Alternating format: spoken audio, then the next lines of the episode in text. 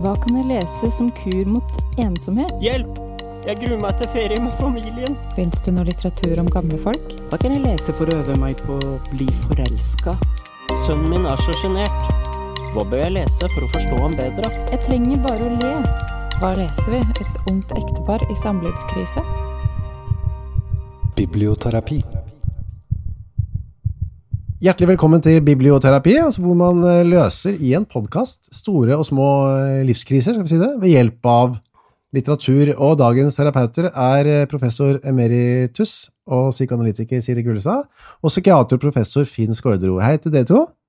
Hei. Hallo. Hei. Dere er hjertelig til stede begge to, og er klare for en, en ny altså, sak eller et problem.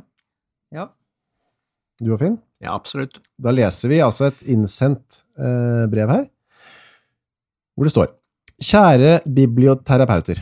Jeg er frisk, har trygg jobb og er verken ung eller gammel. Pandemitiltakene skal liksom ikke ha rammet meg spesielt hardt. Men jeg føler meg usynlig. For det er tøft å ha minimalt med sosial omgang og fysisk kontakt over så lang tid. Og det er skamfullt å innse at jeg ikke har noen som er mine nærmeste når helsemyndighetene kommer med sine råd og anbefalinger og forteller oss hvem vi kan klemme.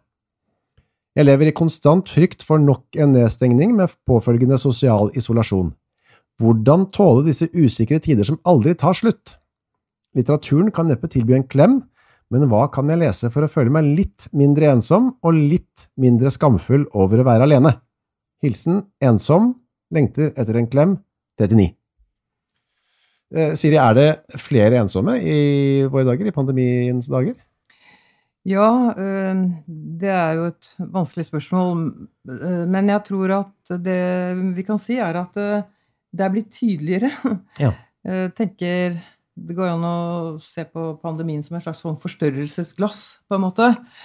At de problemene man har i livet ellers, blir mye mer synlige. Ja, de som er ensomme, blir mer ensomme. Ja, det, sånn kan det være. Og en, en, eh, et perspektiv Det er jo noe smertefullt å lese det han skriver, og det, er, det har mange av oss tenkt eh, og sagt eh, i, gjennom denne pandemien nå, at eh, den rammer jo så skjevt. Mm. Eh, Sånn at den som han er, eller han eller hun, vi vet ikke om det er en han eller hun, eh, er eh, i en livssituasjon som på en eller annen måte er noe vanskelig, er, eh, har ikke noen som er ens nærmeste, er, er den ufrivillig singel, liksom, hva er det? Mm. Det er jo en sånn øh, Vet vi ikke helt. Men øh, det som er tydelig, er at liksom, de måtene du har levd ditt sosiale liv på For det er jo tydelig at det er en som har hatt en, en sosial, øh, et sosialt liv som han nå, øh, eller han eller hun, ikke har. Mm. Og det har slått meg veldig sterkt, altså hvordan mennesker har så mangfoldige typer av strukturer. Jeg snakket med faktisk en på 93, en gammel dame som hadde Strukturen hennes var et eldresenter. ikke sant? Det var liksom uken strukturert rundt det. Og når det bortfaller, så er det en tomhet som eh, ikke var der. Noen yngre, da. ikke sant? Alt det som har skrevet om videregående, som er veldig sant. Altså de hvor den unge, det, er, det det gjelder, er å være i gjengen og, Mm. og, og finne sin plass der, og hvem er jeg i forhold til de andre og alt det. Det bortfaller mye. Treningssentre eh, for noen, ikke sant. Eh, ungdomsklubben. Altså de eh, strukturene som har holdt livet eh, eh, gjort, Utgjort livet. Vi er avhengig av struktur, vi mennesker. Så Mm. Det er en sånn smertelig ting eh, ved pandemien, at den kan ramme den enkelte hardt eh, i forhold til det. Mm. Finn, hva kan vi si? Altså, han eller hun skriver jo at eh, han, hen føler seg usynlig. Er det liksom en slags definisjon på å være ensom? Altså, ensom er et litt krevende begrep å gå inn i. Fordi det er ikke nødvendigvis det samme som å være alene. Mm. Eh, man kan være sammen med seg selv, og så kan man være alene med seg selv. Mm. På engelsk snakker vi om loneliness og solitude, som er to forskjellige ting. Eh, og pandemien har gjort mange mer alene, eh, særlig hvis de er enslige. Eh, vi har fått dytta på oss to strukturer, som eh, Siri sier. Den ene er staten, eh, hvor du skulle lære å hoste inn i eh, armkroken din og holde meteren, og så har vi fått det private. Og alt imellom kaller vi samfunnet, som er norrønt og betyr sammenkomster, og det er mye borte. Ja. Og klart at da lider noen av å være alene, og noen blir kanskje enda mer ensomme. Men en del ensomme mennesker de er jo mest ensomme når de er sammen med andre. Ja, hva, hva, hva er det å være ensom, da? Ja, ensom er nok en alvorlig tilstand som er mer enn å være alene, nemlig at du på en eller annen måte har en erfaring av å ikke være kobla på. Ja. Eh, Og det kan gjøre ekstra vondt hvis du er sammen med de andre og ikke føler deg kobla på fellesskapet. Altså lonely in the crowd. Det kan være en ganske smertefull tilstand. Men klart at generelt så må vi regne med at flere er ensomme nå, altså føler seg ikke kobla på. Vi trenger andre, men vi trenger vel også å bli trengt. Og det er en del av det denne brevskriveren kanskje eh, også formulerer seg om, tenker jeg. Ja, Vi Altså, trenger at noen trenger oss, ja. ja. Jeg følger deg veldig eh, klart i den distinksjonen at du kan være alene uten å være ensom. Og også det med å koble på. Du, vi, vi helt, følger deg helt i at det er grunnleggende. Samtidig så vil jeg også tilføye at det er også noe med at noen har mye mer eh, et innovervendt, et indre liv, for å kalle det litt klisjé kanskje, men, men, men at eh, man nærer seg mer av det indre. Noen er jo skapende, altså noen av de eh, som jeg har hørt uttale seg, ikke sant, at pandemien det gjaldt litt meg selv òg. Bortfall av reiser og kongresser og mye av det ytre som gjør at du eh, får mer ro rundt ditt eget. Og hvis du da har noen eh, indre prosjekter, mm. si, så, eller et, eh, ja, med, med, så er det også øh, Er du ikke ensom, selv om du er alene med ditt indre, da. Ja, Det vil jo hjelpe deg uansett men det er pandemi eller ikke. det. Da. Ja. Så Men det, vi, vi, spørsmålet her er jo hva kan jeg lese for å føle meg litt mindre ensom og litt mindre skamfull? Og der har vi jo, eh, som oppdraget er, da, funnet, dere har funnet noen eh, eksempler på det. Skal vi eh, begynne med deg, Finn?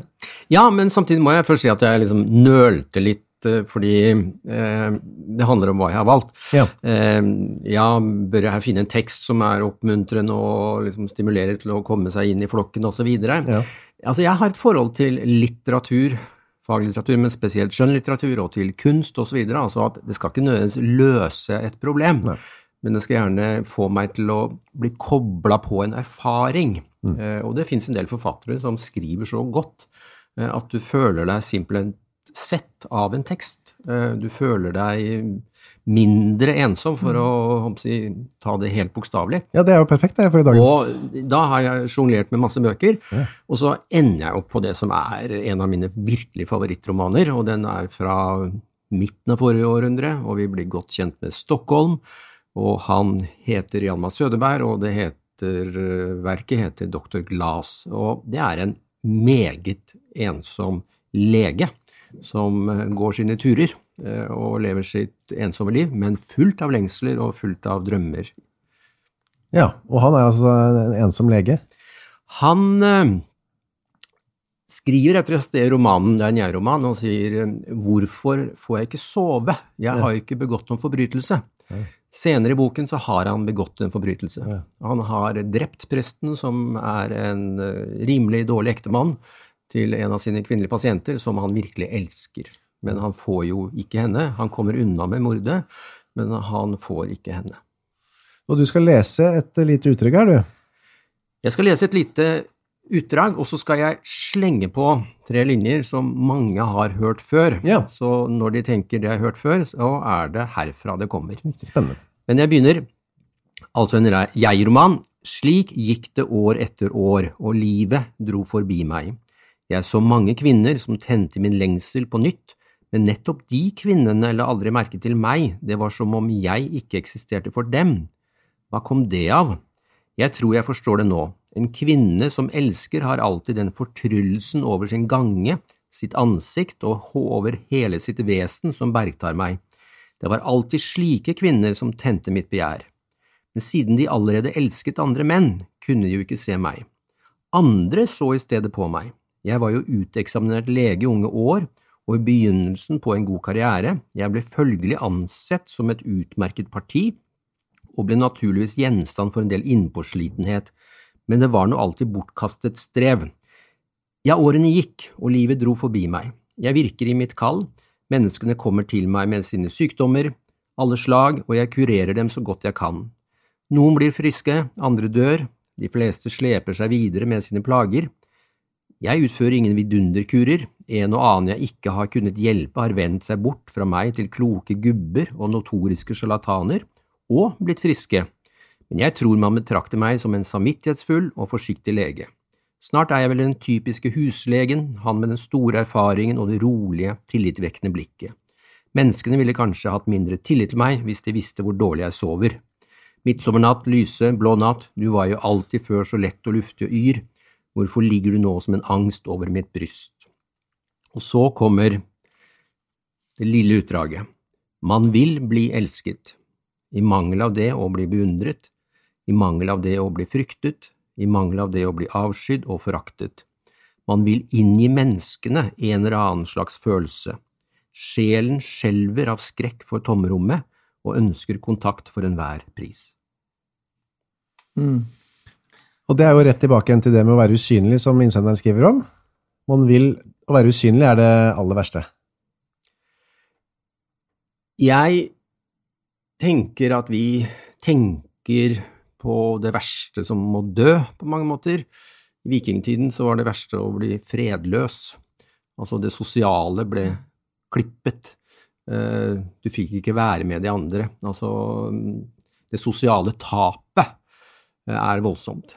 Jeg jobber, i likhet med Siri, også med unge mennesker, og av og til så snakker de om venneflokken og skolegården og videregående som frykten for sosial død. Altså det å falle ut er dypt alvorlig. Mm. Er det tilbake igjen til liksom vår eh, avhengighet av stammen, altså evolusjonspsykologi osv.? Er det så lett?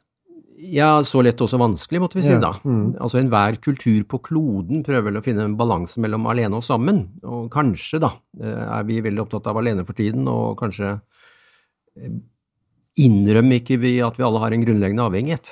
Og da er det kanskje noen som sliter seg litt ut på å tro at de skal være så veldig selvstendige på mange måter. Mm. Ja, det følger jeg deg veldig i. Jeg syns det er eh, noe av det som er tydelig i en terapipraksis. Eh, at mange unge, ikke minst, eh, ønsker seg et forhold. Og eh, samtidig er de mer redde. Det er min det er vanskelig alltid vanskelig å si sånn man er mer enn før. Det er vanskelig spørsmål å svare vitenskapelig på, da. Men det, det oppleves i terapi, terapistolen som at det er eh, mer av en angst for å miste friheten samtidig. Altså Ja. de skal være Ønsker seg forhold, men forpliktelsen eller det å gi seg hen i det på en måte som gjør at du også da er sårbar eh, og trenger Fordi det er en angst for, for den følelsen av å ja, noen formulerer det som at de blir slukt, mister sin frihet, don't fence me in. Så det er tankevekkende, fordi da blir man samtidig, hvis man ikke tar sjansen på det forholdet man øh, med en del av seg lengter etter, så forblir man jo i en veldig uløst øh, indre spenning. Mm. Alltid med bakdøra litt eh, på gløtt. Ja, det kan du si. Men denne Glas, da, han er vel også litt der at han, han kunne få seg kjæreste og kvinne, Mm. og han skriver om drømmen om et familieliv og Mm. barn. Men han innrømmer jo på en måte at han avviser de som vil ha han. Hvorfor er det sånn? Ja, det kan jo Siri og jeg og andre spekulere om. Eh, men av og til så er det jo sånn at eh, Og håper jeg ikke da sier noe feil, men det er jo en del ensomme mennesker som også dytter andre fra seg. Ja. Eh, ensom er en kompleks størrelse. Eh, de holder litt på andre avstand. Noen skal ha litt ekstra bevis for at du virkelig bryr deg. Du må vise tegn på at du bryr deg ekstra om meg. Altså, ensomhet er, har også eh, forskjellige aspekter ved seg. Mm. Det er noen ensomme mennesker som det ikke er så lett å være sammen med, faktisk. Og så har vi vel noen, noen eh, tanker som er mer underbygd, holdt jeg på å si, eh, fra studier og forskning når det gjelder mulige bakgrunner. Da. Vi kan jo aldri vite det uten å kjenne den enkelte. Men det mønsteret eh, som eh, i folketalen holdt jeg på å si, kalles 'forbrent barn skyr ilden', det handler jo om at eh, det å gi din nære omsorgspersoner vet at det har mye betydning som de grunnleggende erfaringene som mennesker Mm. kommer inn i. Og hvis det har vært en følelse av at eh, den andre var ikke helt der. En emosjonell tilgjengelighet, sier eh, en, eh, en um, fagperson, John Bowlby. Um, og da kan løsningen bli en form for sånn litt selvtilstrekkelighet. Altså når den andre ikke er der når jeg trenger det, så er det bedre på en måte å klare seg selv. Mm. Sånn at det er en eh, Det mønsteret er veldig slått av det er et utrolig treffende sitat, for det mange opplever det at du vil ha den som ikke vil ha deg. Ja. Eh, og eh, du vil ikke ha den som vil ha deg. Eh, og at det også er en måte å sikre seg psykologisk, da. hvorfor For skal du hengi deg til en annen, og så innebærer det å kjenne også på en form for sårbarhet er et ord. Altså at du, du kjenner at 'å, jeg vil deg', og da kan du jo risikere at den andre ikke er på samme sted. Så du risikerer noe ved å, å trenge. Mm. Og, og da noen kan ha blitt så såret, så avvist og så skremt at frakoblingen på en måte blir en slags psykologisk løsning, da. Dette er jo um, som en, ment som en hjelp, uh, Finn. Eller skal være, da. På en måte ikke hjelp, men kanskje mer trøst enn hjelp, dette sitatet for denne innsenderen.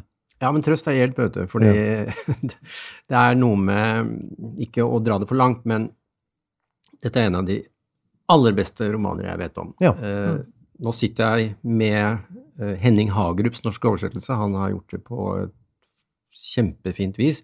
Han har også skrevet et veldig klokt etterord. Han sier at det er få romanskikkelser som gir sånn fortrolighet. Ja. Altså, ikke det at en roman erstatter en nær venn, men altså, du blir intim med denne boken. Og akkurat når du leser den, så er du ikke så mye alene. Fordi den er så klok, den er så presis, eh, den treffer noe så viktig, slik at uh, mer enn trøst. Uh, man kan også bli en som vokser litt på å få noen innsikter om dette. For eksempel, i forlengelsen av hva Siri sier, da, at i mye alvorlig ensomhet så ligger det også ofte mye mistillit. Og det er også mistillit til meg selv. Jeg er ikke verdt, eh, som du antyder. Jeg våger ikke en gang til å bli avvist. Men det er også mistillit til andre. Altså, de vil egentlig ikke meg, og de bryr seg egentlig ikke, og de liker seg ikke, og skal jeg være sammen med dem, så får de vise at de bryr seg.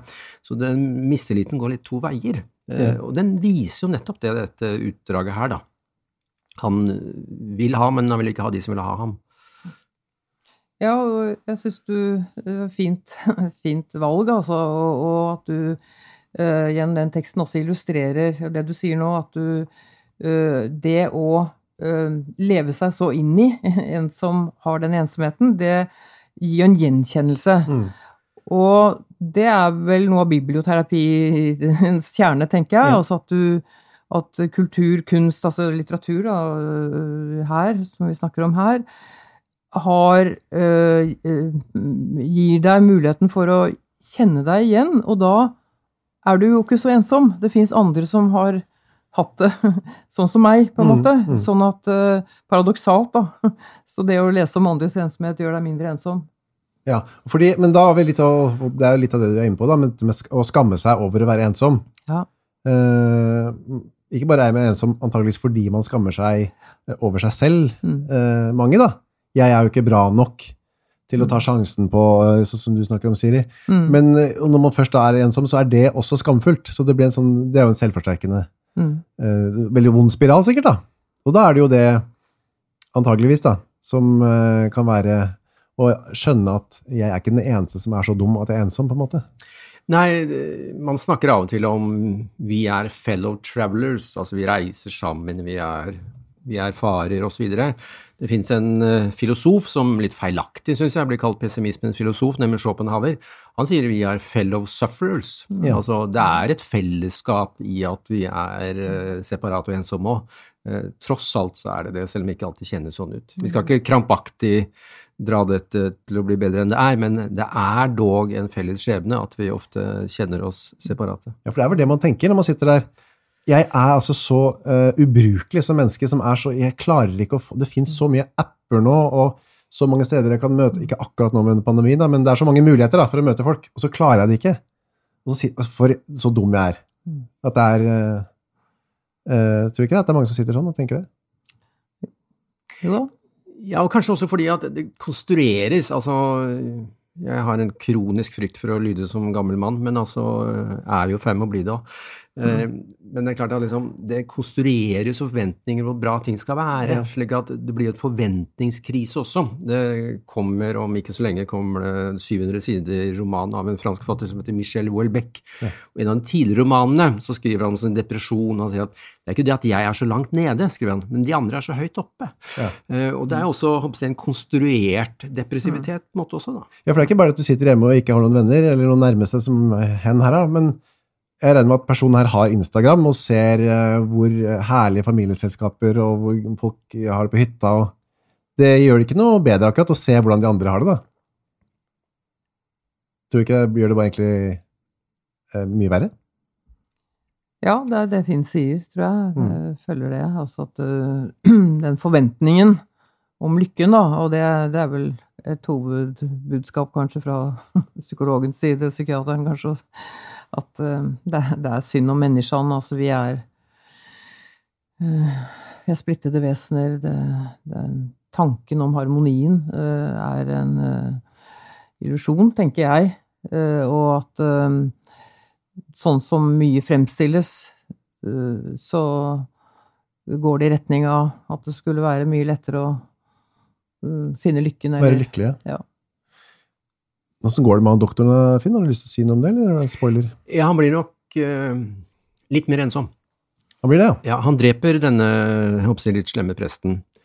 Uh, denne kvinnen han elsker, uh, har sin elsker, og det har han visst hele tiden. Okay. Så da får hun anledning til å slå seg sammen med han. Ja. Så hans store kjærlighet går på en måte tapt. Så han blir vel en huslege resten av livet, da. Ja. ja. Mm. Så det er, det er, ikke noe du anbefaler å drepe eventuelt altså din rival? Det, stort sett så anbefaler vi ikke det. Nei, Nei. Men det er lov av fantasier, bare det, man ikke lever ut fantasiene sine. Det kan være en trøst, det òg. Ok, da skal vi til en annen um, Ditt uh, utdrag, Siri. Og, og, hvis vi går da, hvis vi tenker at denne doktoren det blir Nå er jeg hobbypsykolog, da. Med han, disse mønstrene han har med å bare gå etter kvinner som ikke ville ha han. La oss tenke oss at det jeg vet ikke om det er i boka, men at det stammer fra noe sted i barndommen, kanskje? Ja, det er sånn at jeg skal følge litt opp etterpå. Jeg vet hva som kommer. Ja, du ja. gjør det. Så da kan vi komme tilbake til det poenget. For nå skal vi til et uh, ganske jævlig barndomsminne, Siri. Ja, jeg hadde samme følelsen som Finn sa. altså at det er, det er noe med biblioterapi, og terapeutene skal liksom gi råd som ja. kan hjelpe. og det er uh, i grunnen veldig motsatt det en terapeut gjør, vil jeg si, mm. i hovedsak. da, Det kan ikke at du ikke kan gi råd av og til, men, men uh, jeg ville jo, uh, hvis jeg skulle møtt hen, måtte utforsket hva er det som gjør at han, hun, hen, føler seg så skamfull. For skam var det som slo meg. Ja. Hen bruker det ordet to ganger her, i hvert fall. Mm. og min tanke, da, at jeg har valgt meg Karl Ove Knausgårds Min kamp uh, Vi er i bind én her. Og det Knausgård gjør mesterlig, uh, syns jeg, er å skildre hva som skaper skammen. Skammens kilde, mm. på en måte. Ja. Og det, er, det tenker jeg kan være til hjelp for alle. Altså, pasienter kan av og til spørre ja, hvordan kom dette inn i deg? Du er jo ikke født med den, den form for sånn ødeleggende skamfølelse. Så det er det utvalget jeg har valgt da, fra, fra Min kamp bind 1. Uh, og da er det åtte år gamle Karl Ove som har nettopp sett på TV at det er, en, det er et forlis. Og fiskebåt er gått ned, og, og det er uh, mange som er omkommet. Og han ser plutselig omrisset av et ansikt i havet som gjør et enormt inntrykk på han. Og han må liksom dele det inntrykket med noen. Og det er bare faren da, som arbeider i hagen, som er hjemme. Så uh, er teksten Jeg så et ansikt i havet på TV nettopp. En dykker, sier pappa. Det var ikke noe menneske, det var et slags bilde i sjøen. Et slags bilde, du, sier han og drar opp sigarettpakken fra lommen på skjortebrystet. Jeg nikker, snur meg for å gå tilbake. Vent litt, uh, sier han. Var det Jesus du så et bilde av?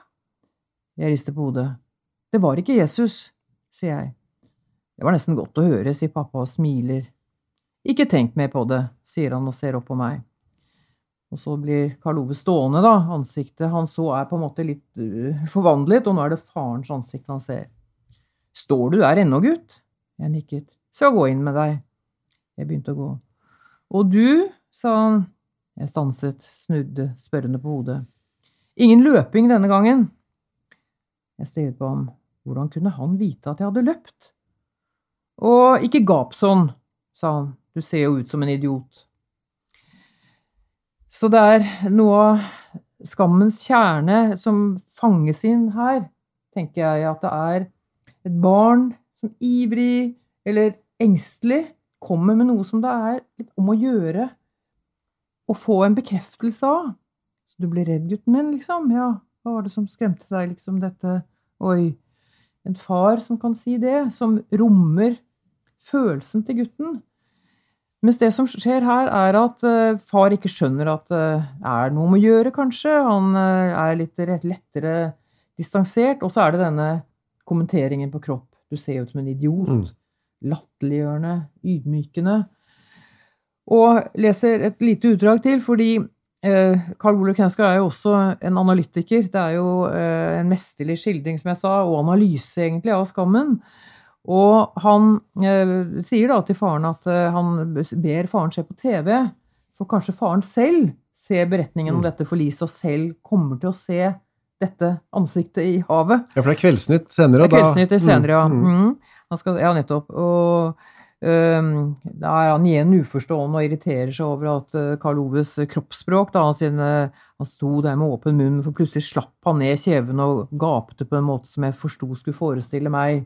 Så igjen er dette uh, mimingen av, og latterliggjørende, ydmykende mimingen av kroppsspråket. Men så står han da i døren liksom, og lytter til at foreldrene ser på Kveldsnytt. Da innslaget var over, lød stemmen til min far der inne deretter latter. Skamfølelsen som spredte seg i meg, var så sterk at jeg ikke klarte å tenke. Det var som mitt indre vitnet. Kraften i den plutselige skammen var den eneste av følelsene i barndommen som kunne måle seg med redselen i intensitet. Ved siden av det plutselige raseriet, da. Og alle tre hadde det til felles at jeg selv liksom ble utradert. Det var bare den følelsen som gjaldt. Og du har, du har, flere ganger, Kyrre, sagt uh, trukket fram ordet usynlig. Og jeg uh, har tenkt, da jeg skulle min analyse av, av Knausgård, at uh, det er en Farens reaksjon er en slags nulling av guttens selvopplevelse, på en måte. Og, er, og den nullingen har på en måte sitt gjensvar i guttens følelse av å være usynlig. Ja. Så det er en parallell i forhold til brevet, da, uten å Jeg vet jo ingenting om hen som har mm. skrevet inn, men Så han er skamfull, eller hun er skamfull, hun òg? Uh, så det er Er det litt det som skjer? Kan vi si at er, er det lille Karl Ove som, som sier uh, Som spør Er jeg et menneske? Jeg har disse tingene. Pappa, er jeg et menneske, jeg òg? Ja, Og så sier han nei. Ja, altså ja, det er denne følelsen jeg kommer med her. Mm. Eh, denne følelsen av å være redd for dette, som jeg ikke forstår. Er den Kan du forstå den? Ja. Barnet er prisgitt, helt avhengig av at foreldrene kan speile affekten, heter det da, hvis du leser utviklingspsykologi. Og, mm. altså at vi er avhengig av at den andre kan forstå hvordan det, jeg kan føle det, for å selv kunne romme den følelsen. Ja. Så der er vi igjen tilbake til dette som Finn sa, men med denne grunnleggende avhengigheten av den andre for også å bli et individ som kan romme våre egne følelser. Eh, og når den Fravær av gjensvar, kaller jeg det. Synes det, er, det er fra, som er skammens liksom, grunnsituasjon, kanskje. Altså at det, det å ikke bli møtt. Eh, og da blir det eh, Skammen er jo en følelse av at det er noe feil med meg. Det er ikke bare I motsetning til skyld, som er mer enn avgrenset i forhold til at jeg gjorde noe galt, en handling, så er det meg og mitt vesen. Det må være noe Far syns det er helt er det, det er jo noe sånn ironiserende at dette. Faren er jo distansert til religion. Da liksom, ja. var det Jesus, liksom. Altså, øh, sånn at det er en, en uforstående, ironisk, latter, ydmykende far som, som, uh, som eh, gjør at barnet sitter igjen med denne følelsen at eh, det må være noe feil med meg. Og da, derfra så lærer da barnet jeg, Hvis jeg skal knytte meg til noen, eller få aksept fra andre, eller kjærlighet fra andre, Ja. så må jeg forstille meg. Jeg kan ikke være helt meg Ja, selv. det er godt sagt. Ja. Det er godt sagt. Ja, gjerne det. Eller skjule seg. Mm. Altså mye av skammens, skal vi si, fantasi er av og til å bli usynlig. Altså Ja. fordi Sartre, tror jeg, skrev eh, 'Skammen er blikkets sykdom'. Det er å bli sett som en som du ikke vil være. Ja. Dermed så er det bedre å, å forsvinne ned i jorden, Mm. skjule meg, og bare komme til annenhver time hos terapeuten. Eh, altså, er, skam er en veldig kompleks følelse. Mm. Eh, vi sier jeg snakker mye om skam, så tenker vi at vi må lage mindre skam. Hadde vi hatt noen teologer her, så ville de gjerne hatt mer skam. Fordi skam er også noe som beskytter menneskene ved å ikke bli skamløse. Ja. Eh, jeg syns det er veldig sterkt eh, utsagn. Jeg syns du legger det frem veldig fint. Samtidig tenker jeg liksom Noen mennesker kan bli skammet på, f.eks. mobbet, Mm. av andre, Ja. og tåle det. Eh, Noen tåler det lite, og noen kan kjenne dyp skam uten å bli skammet på. Fordi den skammen handler kanskje nettopp om manglende gjensvar. Altså de er ikke blitt bekreftet sett. Ja. Og etter lite tekstutdraget her, så er det vel begge deler, tenker jeg. Altså, Han blir ironisert på, han blir gjort narr av. Samtidig så er det jo ikke noen respons på det han egentlig ønsker seg. Så det er jo en kompleks skamsituasjon. eh, og en stor forfatter. Og følelsen er alt, på en måte. Mm. Altså den er global, som vi sier, da. Det er liksom ikke jeg, jeg har en liten følelse av noe, men den er liksom grunnleggende. At det er noe feil med meg. Det går på hele selve, Hele som, selve, ja. som man sier. Mm. Jeg husker jo, trekke meg selv og mine altså Jeg husker jo da så i barnehagen at jeg på et tidspunkt så sluttet de, jeg var sammen med de vennene mine for de skulle begynne på skolen. Og da var jeg helt alene igjen. Eller, og da husker jeg at jeg jeg syntes det var så flaut at uh, jeg skulle liksom ikke ha noen venner, så jeg husker jeg gikk opp i skogen og sto utenfor Mm. uh, inne på barnehagens område, men helt alene inne i skogen og bare ventet på en måte til, til jeg skulle begynne på skolen. da. Jeg husker at jeg sto, for det var et eller annet med å bli sett som ensom, var jo da også eh, skamfullt. Uten at jeg egentlig vet hva jeg var så redd for, men det er bare det blikket som en som blir sett som en som ikke får det til, da, eller Det er også en da, skam, da. Ja. Jeg vil ikke bli avslørt, eh, er jo det. Som den jeg egentlig er. Mm. Eh, Det er jo følelsen. Det kan man tenke seg at denne Knaus Karl Ove også da kjenner på litt eh, opp gjennom årene. Da. ja. Jeg tror ikke bare skal si litt. Jeg Nei. tror Seks bind handler veldig mye om veldig mye av den følelsen. Den er veldig drivende, Mm. eh, mye av det forfatterskapet.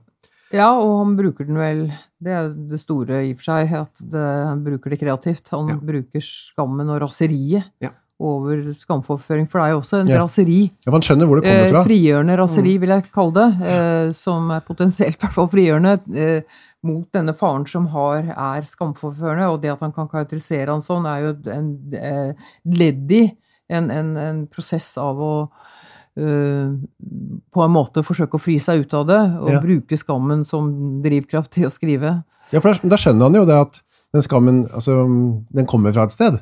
Og den innsikten der er jo en stor forskjell, jeg tror. Da. Ja, det Ja, det er en ganske avansert innsikt, tenker jeg. fordi Mm. at uh, Det er veldig fristende å si at ofte så er det sånn at feil folk skammer seg. Fordi la oss si en sønn da, som Mm. heter Karl Ove, eh, han kan skamme seg dypt, eh, men det handler dypest sett om farens skamløse atferd. Ja, han burde skamme seg. Som, han burde skamme seg. Ja. Men skammens natur er jo ofte at vi tar på oss den følelsen selv, som kanskje handler om hva andre har gjort og ikke gjort. Dette er jo det tragiske ved overgrepssituasjoner, f.eks. Altså skamløs atferd får offeret til å skamme seg. Som gjør jo at eh, vi som er terapeuter, vi, kan bli rasende fordi at de ikke blir rasende. Ja. Eh, vi kan få kontakt med det sinnet, mens de mener seg nesten ikke berettiget til det sinnet av og til. Nei, fordi de har konstruert av en verden hvor de på en måte Jeg vet ikke hva jeg skal si. Jeg, farlig å snakke sånn, men en idé om at jeg var vel med på Ja. det, jeg bidro, eh, i verste fall jeg fortjente det. Siri og jeg som er fagfolk, utviklingspsykologi, en klassisk studie som heter Still Face, stille ansikt. eh, en mor, en far, en mor kommer inn i studio, barnet er tolv måneder gammel, uh, pludrer leker, mor, barn. Eh, Fint liv, og så får mor beskjed om å bare skru av all mimikk. Det tar to minutter, så er det verdens ulykkeligste barn.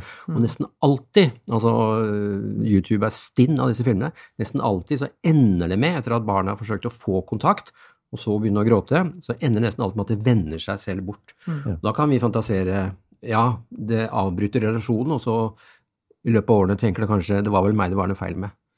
Ja, Så da er det fraværet av respons, som Siri sier, da, som på en måte kan produsere skam. Ja.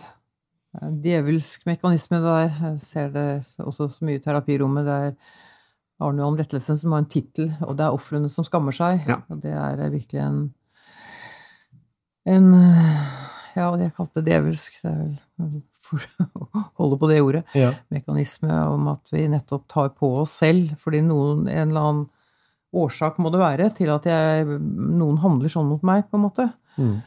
Og når det er snakk om små barn, så har det, er det noe med det rent kognitive som ikke er utviklet dit hen at du, at du har klare uh, skiller mellom årsak og virkning.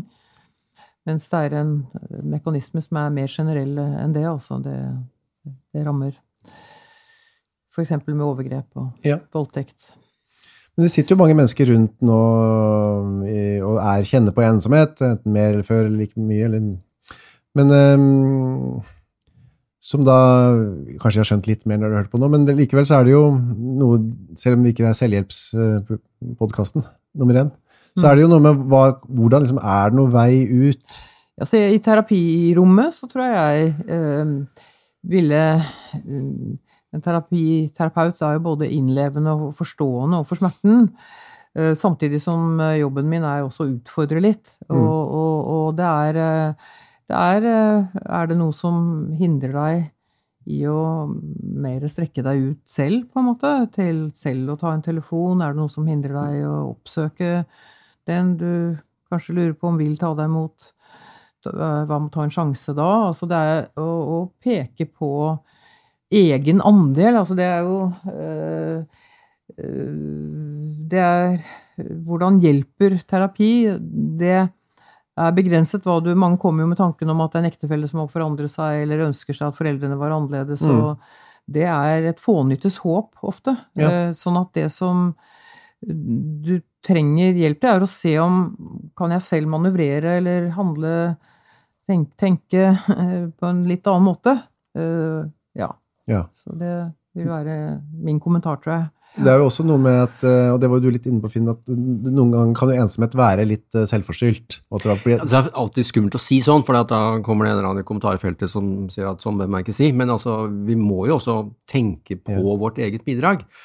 Um, men jeg er veldig opptatt av det Siri sier, liksom at vi er støttende, varme, profesjonelle personer. Ikke primært for å være støttende og varme, men for å lage en situasjon hvor det er mulig å utfordre. Altså utfordre til å gjøre ting da, kanskje. Men ikke kanskje bare gjøre ting, men tørre å eh, være litt mer usikker på dine tolkninger av andre. Ja. Det kan være at du misforstår i verste mening hele tiden. Det er ikke sikkert at det at du snur deg bort nå, er at du avviser meg. Det kunne være at du skulle hente noe. Mm. Så vi skal også liksom utfordre folk på ikke være så skråsikker på negative tolkninger av resten av verden også. Ja. Abs- Absolutt. Ja, for det er lett eh, Det har jeg også en sånn erfaring jeg, jeg antar jo, nå bruker jeg meg selv igjen, men antar jo ofte at fremmede vil meg vondt. Eller eh, Og hvis man går forbi noen som en liten gjeng, og noen ler, ja, de ler av meg. Ikke sant? At den følelsen, den Mm. lille Knausgård-aktige. Man, eh, man er redd for at eh, Eller man, ja, man antar det verste på et eller annet vis, da. Ja, hvis man er usikker, så blir man ofte skråsikker, og Ja. det er ålreit å ikke være så skråsikker. Ja. Men Det er også dette som jeg, jeg var så vidt prøvde å si noe om i stad, at um, når man eh, prøver å Hvis man da antar at det er noe grunn grunnen til at du er ensom, er at det er noe veien med meg. Det er noe feil på min personlighet. Og da må jeg late som jeg er noen andre. eh, Jeg i hvert fall ikke vise hele meg for å få noen venner eller kjæreste eller hva det er. Eh, og, mens vi mennesker er jo veldig gode til å merke hvis noen ikke er helt ærlige eller holder litt ting litt skjult. Så, sånn sett så kan jo det ikke bare at du ikke får noen venner, det kan nesten være ikke mot sin hensikt at du legger lokk på sider av personligheten din som egentlig folk hadde satt pris på om du viste fram. Ja, det vil fort være et tema i terapi, da. Ja. Eh, vi er opptatt av sånn, men jeg sier det også eksplisitt. Altså, dette er et eh, øvingsrom. Øv på meg. Eh, prøv og del, og mest sannsynlig vil du oppfatte at jeg ikke løper ut av rommet. Jeg stormer ikke vekk, og jeg detter ikke ut av stolen. Jeg tåler det. Skamfølelsen handler veldig mye om å føle seg tålt når man kommer med det verste av seg Ja. selv. Det Det, er ofte ikke så vanskelig å tåle andre mennesker, Nei. det er bare at de tror selv at de er så utålelige. Ja. Ja, og det er noe av det du kan oppleve som er fint, vil jeg si, som terapeut. At du utfordrer akkurat det. Altså at du, som du sier, at du har en fantasi da, om at de andre ikke tåler det ved meg Mm. eller det ved meg. Og, og, øh, og på en måte den kommentaren fra, eller som fra terapeutens side, at ja, man må ta en sjanse da, og, og at folk kommer tilbake og, og har gjort det, og får Altså at fantasien er, eh, har vært eh, av en avvisning som slett ikke Ja. kommer i realiteten. Så, du, så personen får erfart at du, det er en eh, misforhold da, med hva, hva jeg går og forestiller Mm. meg, og det som faktisk er situasjonen. Og det gir jo en energi til å våge å, å stole mer på og prøve ut ting. Ja. Ja, få nye erfaringer. På at det ikke er så ille som man tror, ja. Ja. Man må ikke gå via terapeuter, men man kan jo ta sjansen på å gjøre det direkte med noen. Ja, det, Noen man stoler på. Definitivt. Ta sjansen på en eller annen måte. Ja. Vi, bare litt, vi skal jo runde av her snart nå, men uh, så skal vi svare Eller vi har, uh, har vi svart her? Hvordan skal jeg lese for å føle meg litt mindre ensom? Det er da Svaret på det er uh, bøker som de dere har nevnt, som skildrer andre ensomme mennesker. Gjenkjennelse, Ja. sa vi. Mm. Eh, og det er noe med at det er noen forfattere, og dette er to av Skandinavias to største, som klarer å beskrive noe så at man kan tenke ja, dette har noe med meg å gjøre. Det er ikke meg, men det er noe gjenkjennelig i det, og det er også en måte å komme videre på. Det er ikke alt som må via en terapeut eller en psykolog eller via en selvinnsikt. Eh, Man kan oppsi speiles også i tekster, man kan speiles i et maleri. Eh, Det er Vi skal ikke romantisere at kunst er terapeutisk, men av og til så er den det sannelig også. Mm. Men akkurat disse to fatterne, så de skriver så godt at akkurat da så er du litt mindre ensom, selv om temaet ensomhet. De beste romanene om depresjon, de er ikke triste, de er flotte. Ja. Og det er jo litt um, Er det litt sånn også at um, i forhold til selvhjelpsbøker, da, som gjerne sier uh, du skal gjøre sånn Eller noe, må- noe må forandres, da. Noe med deg må forandres, enten vanene dine eller innstillingen til deg selv, eller et eller annet må forandres for at du skal få det bedre, så er jo det å bare erkjenne at andre også har det, bli anerkjent som dette her er egentlig ganske dritt. Og det er greit, for du er ikke alene. Ja, det er på en måte et uh, bedre sted å starte, da. I hvert fall er den følelsen av at jeg ikke er alene, eh, en eh, eh, følelse som gjør deg mindre ensom, for å vende tilbake til utgangspunktet, som vi sa i stad. Dette gjenkjennelsen. At kulturen har en funksjon av å formidle at andre har vært der før, på en Mm. måte. og det er, en, det er synd om menneskene, som jeg vel sa i stad også. at Det er en følelse at uh, uh, Dele en erfaring. Det er, har et dypt behov i oss mennesker. Behov for fellesskap. Det at andre kan uh, Skjønner at andre kan ha hatt det sånn som jeg. At andre kan føle hvordan det er å være meg. Mm. Psykisk lidelse, som er vår geskjeft, er ofte en dobbel lidelse. Man lider fordi man lider, og så lider man også fordi man ikke har et godt språk om det. Ja. Eh, Da er det bra med et språk som er ok. Mm. Ja. Det er det motsatte av Instagram. Det, se, de andre er ikke lykkelige, de er også ganske ensomme. Jeg kjente en amerikansk fatter som het Elizabeth Wurtzel. Hun skrev en bok som het Prosec Nation. Eh, og hun fortalte meg, ikke så lenge før hun døde av kreft altfor tidlig, eh, at eh, Prozac Nation hadde avstedkommet liksom tusenvis av brev til henne hvor folk sa eh, This is me, du skriver om meg. Ja. Og så sa hun Og de historiene de fortalte, hadde ingenting med meg å gjøre, men de kjente seg allikevel igjen. Ja. Så det er ikke nødvendig at det er den samme historien, men det er noe gjenkjennelig i det. Mm, mm. Og det er den alenefølelsen, å være skamfull, for eksempel. Da. Ja, og Dr. Glass, han dytter noen fra seg også. Så da skal vi satse på da at uh, vår innsender uh, føler seg litt mindre ensom og litt mindre skamfull. Hun er fall, eller han er i hvert fall ikke alene. Det kan vi være enige om. Ja.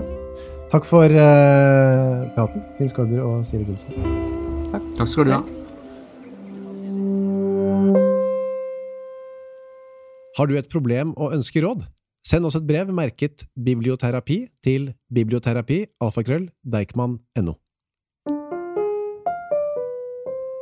Dette er en podkast fra Deichman, hele Oslos folkebibliotek.